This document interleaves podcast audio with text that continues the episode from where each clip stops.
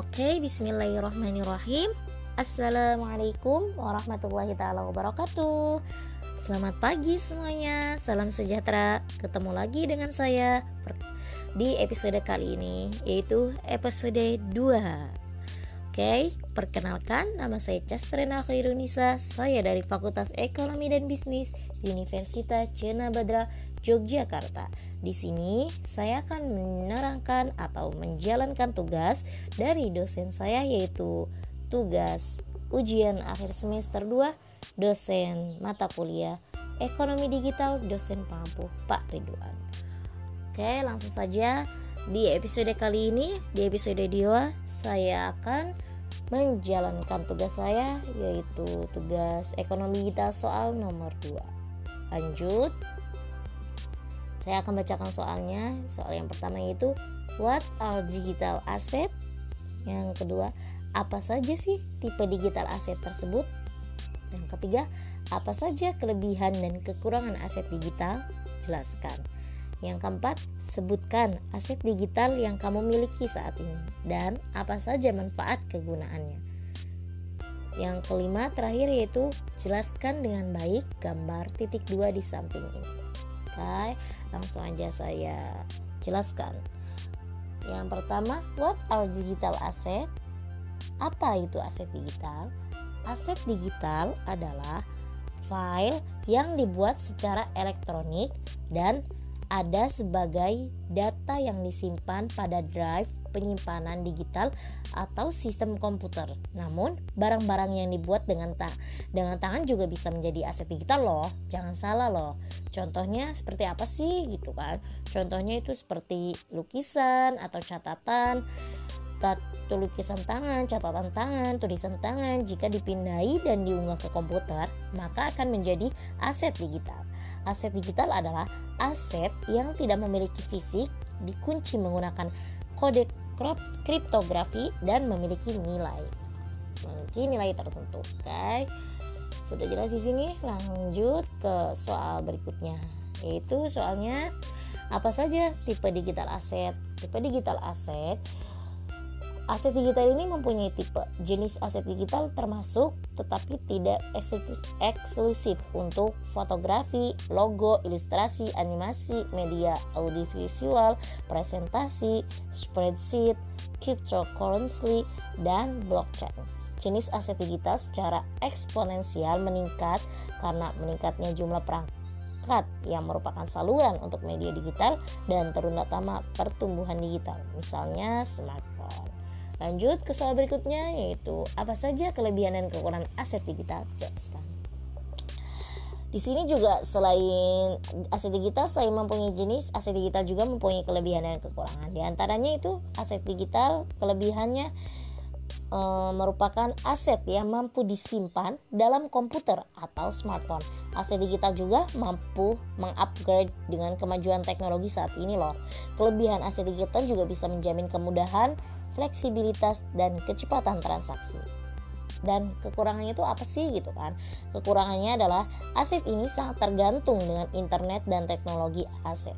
Aset ini juga rawan akan kejahatan crime. crime. Aset digital juga tidak semua memiliki jaminan keamanan. Biarpun begitu, beberapa di antaranya diawasi oleh pemerintah melalui OJK dan BAPT. Oke, lanjut ke soal berikutnya. Sebutkan aset digital yang kamu miliki saat ini dan apa saja sih manfaat kegunaannya. Oke, di sini di smartphone saya saya mempunyai beberapa aset digital gitu kan ya. Apa saja sih gitu kan? Kalian juga pada pengen tahu kan? Lanjut aset digital yang saya miliki saat ini adalah aplikasi Shopee, aplikasi Facebook, uh, akun channel YouTube, akun Pinterest, akun Instagram, akun Brandly, dan hmm, akun Twitter.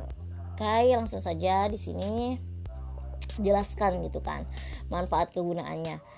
Nah, nomor satu Facebook. Di dalam akun Facebook ini, di dalam aplikasi ini mempunyai banyak manfaat gitu kan. Salah satunya yaitu Facebook Shop. Nah, di Facebook Shop ini kita tuh apa gitu ya? Sepintar-pintar kita gitu. Di sini Facebook Shop namanya juga udah shop gitu kan shopping gitu kan belanja. Nah, di Facebook Shop ini manfaat salah satunya itu Facebook Shop sebagai layanan belanja online. Belanja online ini jadi uh, kita itu apa sih gitu kan kegunaannya belanja online. Kegunaannya belanja online ya tidak capek-capek gitu buat pergi ke pasar buat pergi ke tempatnya langsung kekurangannya apa sih gitu kan kekurangannya ya salah satunya yaitu uh, tidak sesuai ada tidak sesuai barang atau dan lain sebagainya lanjut ke Instagram Shop di sini Instagram Shop ini perkembangannya adalah Instagram yang pesat melahirkan influencer yang terkenal sebagai selebgram Selebgram ditandai oleh pengikut. Bahasa lainnya yaitu bahasa gaulnya followers gitu kan. Bahasa gaulnya sama followers, bahasa artis-artis ya. Yang banyak dan angka audiennya tinggi. Audiennya tinggi, angka ini menjadi daya tarik bagi penjual, bagi si penjual, bagi selebgram mengendorse produknya. Kita juga bisa loh gitu kan meminta selebgram untuk mengendorse produk-produk kita. Contohnya seperti diri saya sendiri, alhamdulillahnya saya menggunakan Instagram All Shop itu alhamdulillah dengan memanfaatkan Instagram Shop All Shop ini kemarin saya juga sempat mengikuti bisnis yaitu bisnis Nusantara Busines dan alhamdulillahnya dari situ saya mendapatkan hasil rupiah. Saya lanjut ke akun Shopee. Akun Shopee ini adalah e-commerce yang berbasis aplikasi mobile. Oke, di akun Shopee ini alhamdulillahnya saya juga sudah mempunyai toko toko saya namanya gasel.id coba langsung dicek aja oke lanjutnya ada channel YouTube channel YouTube ini merupakan aset digital yang sangat berharga saat ini banyak orang yang mendapat banyak penghasilan gitu kan dari YouTube. Kok bisa sih gitu kan mendapat penghasilan dari YouTube? Ya bisa lah. Kenapa? Contohnya aja seperti hmm, Atta Halilintar. Dia itu youtubers yang apa ya namanya mencari penghasilan lewat online gitu lewat e-commerce online. Kualitasnya tinggi loh. Oke. Okay. lanjut. Di situ selanjutnya ada soal yang terakhir jelaskan dengan baik gambar titik dua di samping di sini ada gambarnya ya tapi saya tidak bisa menggambarkannya hanya saja saya bisa menjelaskannya di sini dari gambar titik dua di samping uh, tentunya tentang digital aset gitu kan. Terdapat lima fase siklus hidup aset digital. Yaitu yang pertama ada create. Create ini menciptakan aset digital yang berkualitas. Membutuhkan waktu dan upaya banyak orang. Yang kedua ada manage, memanage gitu kan. Masukan dan persetujuan diperlukan di banyak titik dalam siklus hidup aset digital. Yang ketiga ada distribute. Distribute ini menyediakan jenis akses yang tepat adalah bagian besar dari pengelolaan aset kita. Yang keempat ada retrieve. Retrieve ini ambil, jangan buang waktu yang berharga untuk berprofile. Jadi hmm, sempatkan waktu sebisa mungkin gitu kan. Dan yang terakhirnya ada arsip. Arsip ini arsip berapa lama aset tetap dalam distribusi tergantung pada asetnya tersebut. Kembali kepada asetnya lagi. Oke.